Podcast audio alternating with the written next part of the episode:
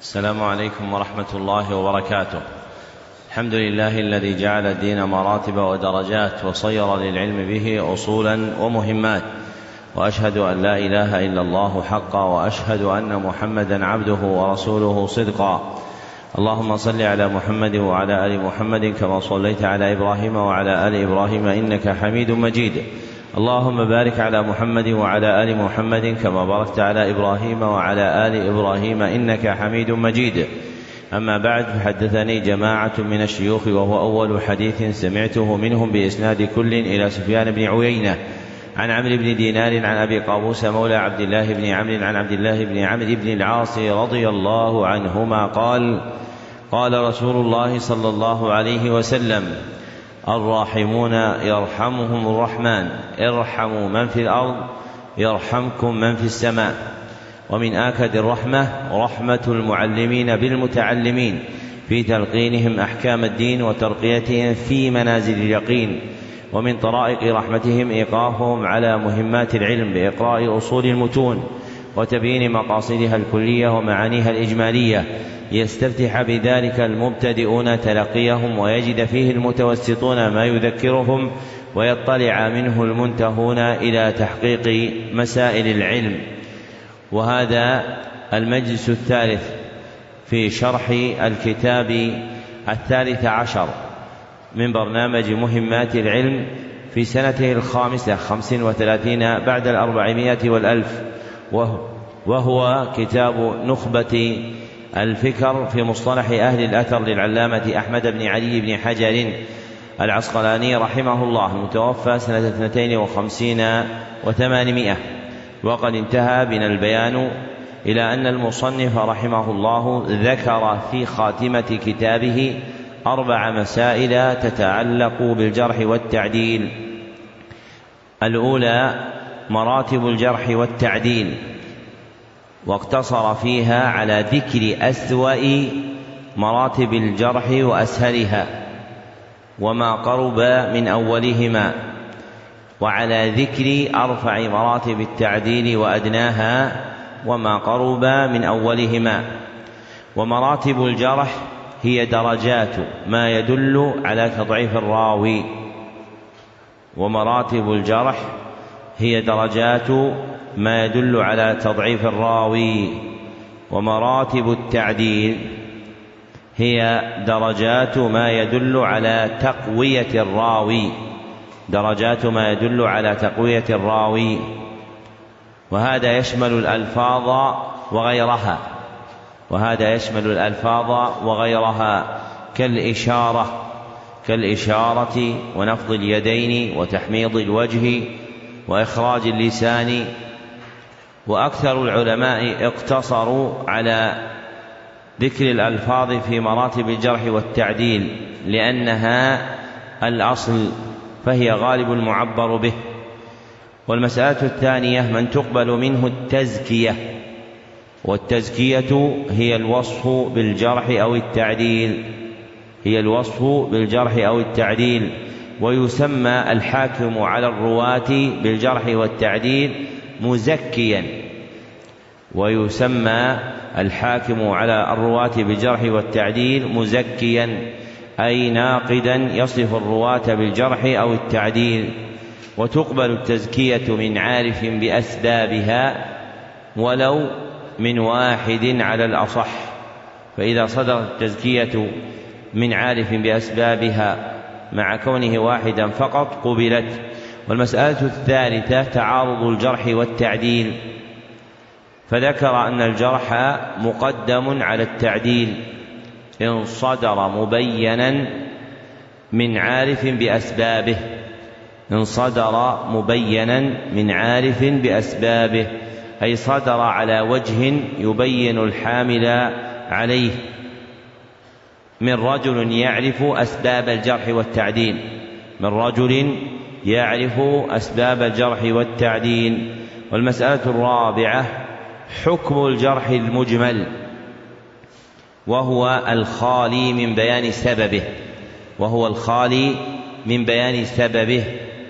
فذكر أن الراوي إن خلا عن التعديل قبل الجرح مجملا أن الراوي إذا خلا عن التعديل قبل الجرح مجملا على المختار. فإن وجد راو فيه جرح وليس فيه تعديل قبل الجرح ولو كان ذلك التعديل مجملا. ثم ذكر رحمه الله تعالى بعد جملا من مهمات الحديث التي ينبغي أن يعرفها المشتغل به. فقال ومن المهم معرفة كنى المسمين إلى آخره. ومعرفة كنى المسمين الكنى جمع كنية وهي ما سبق بأب أو أم أو غيرهما وهي ما سبق بأب أو أم أو غيرهما والمسمى هو المذكور باسمه والمسمى هو المذكور باسمه أي معرفة كنية من سمي باسمه معرفة كنية من سمي باسمه ومعرفة أسماء المكنين أي من ذكر بكنيته فيحتاج إلى معرفة اسمه. أي من ذكر بكنيته فيحتاج إلى معرفة اسمه. ومعرفة من اسمه كنيته أي من يعرف بكنيته وهي اسمه أيضا. أي من يعرف بكنيته وهي اسمه أيضا. ومعرفة من اختلف في كنيته أي في تعيينها أي في تعيينها أهو أبو فلان أو أبو فلان أو غير ذلك أو كثرت كناه أو نعوته أي اشتهر بعدة كنى أو بعدة نعوت والنعوت هي الألقاب والأنساب. هي الألقاب والأنساب ومعرفة من وافقت كنيته اسم أبيه أو العكس أو كنيته كنية زوجته ومعرفة من نسب إلى غير أبيه كأمه أو إلى غير ما يسبق إلى الفهم ومعرفة من اتفق اسمه واسم أبيه وجده أي صار اسما واحدا مكررا. أو اسم شيخه وشيخه شيخ وشيخ شيخه فصاعدا. أي اتفق اسمه واسم شيخه وشيخ شيخه فصاعدا. فتكرر الاسم في حقهم جميعا. ومعرفة من اتفق اسم شيخه والراوي عنه. أي وجد له شيخ باسم ووجد له راو عنه بالاسم نفسه. ومعرفة الأسماء المجردة.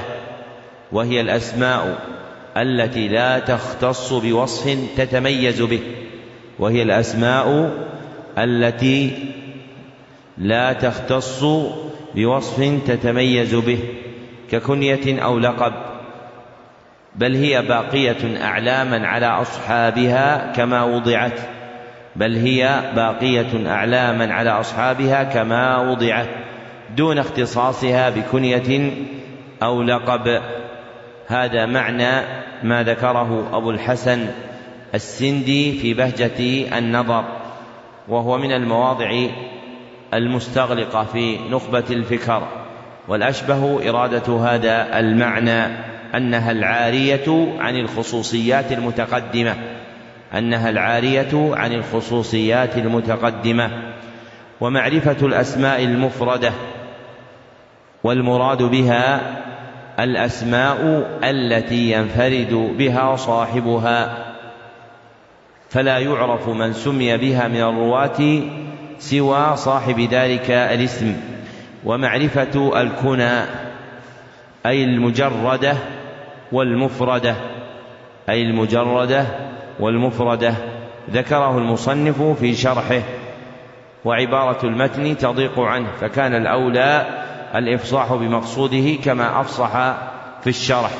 فقوله ومعرفة الكنى أي المجردة والمفردة ومعرفة الألقاب واللقب ما دل على رفعة المسمى أو ضعته ما دل على رفعة المسمى أو ضعته أي ما كان للمدح أو الذم. ومعرفة الأنساب وتقع إلى ثلاثة أشياء. أولها القبائل والثاني الأوطان بلادا أو ضياعا أو سككا أو مجاورة بلادا أو ضياعا أو سككا أو مجاورة. والثالث الصنائع والحرف الصنائع والحرف. والمراد بالضياع الأرض المغلة الأرض المغلة. وهي التي يقيم فيها قوم من الناس يزرعونها ويستخرجون غلتها وهي الأرض المغلة التي يقيم فيها قوم من الناس يزرعونها ويستخرجون غلتها أي ثمرتها وعليها خراج وعليها خراج أي قدر من المال مضروبا عليها.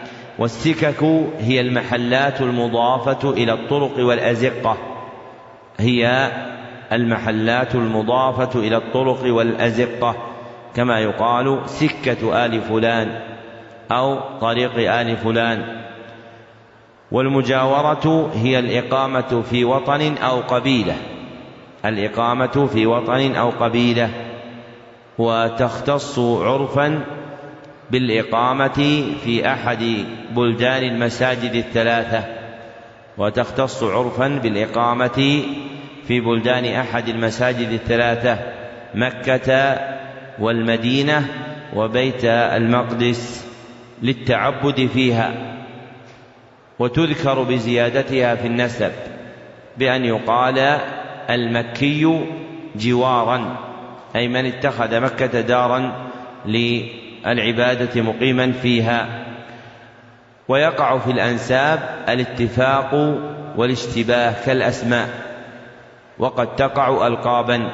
ومن المهم أيضا معرفة أسباب ذلك أي معرفة أسباب الألقاب والأنساب. ومعرفة الموالي من أعلى ومن أسفل بالرق أو بالحلف. ومراده بالرق, بالرق العتق ومراده بالرق العتق. ذكره باعتبار كونه كان رقيقا ثم عتق فإذا عتق الرقيق سمي مولا فإذا عتق الرقيق سمي مولى والحلف بكسر الحاء وأصله المعاقدة والمعاهدة على التناصر المعاقدة والمعاهدة على التناصر فيكون حليفا لقوم لأنه تعاهد معهم على نصر بعضهم بعضا فيكون المنسوب إليه مولا لهم بهذا الاعتبار. وبقي وراء ما ذكره المصنف من نوعي الولاء نوع ثالث وهو الولاء بالإسلام وهو الولاء بالإسلام. وذكر الأنواع الثلاثة السيوطي في ألفية الحديث فقال ولا عتاقة ولا حلف ولا عتاقة ولا حلف ولاء إسلام كمثل الجعف.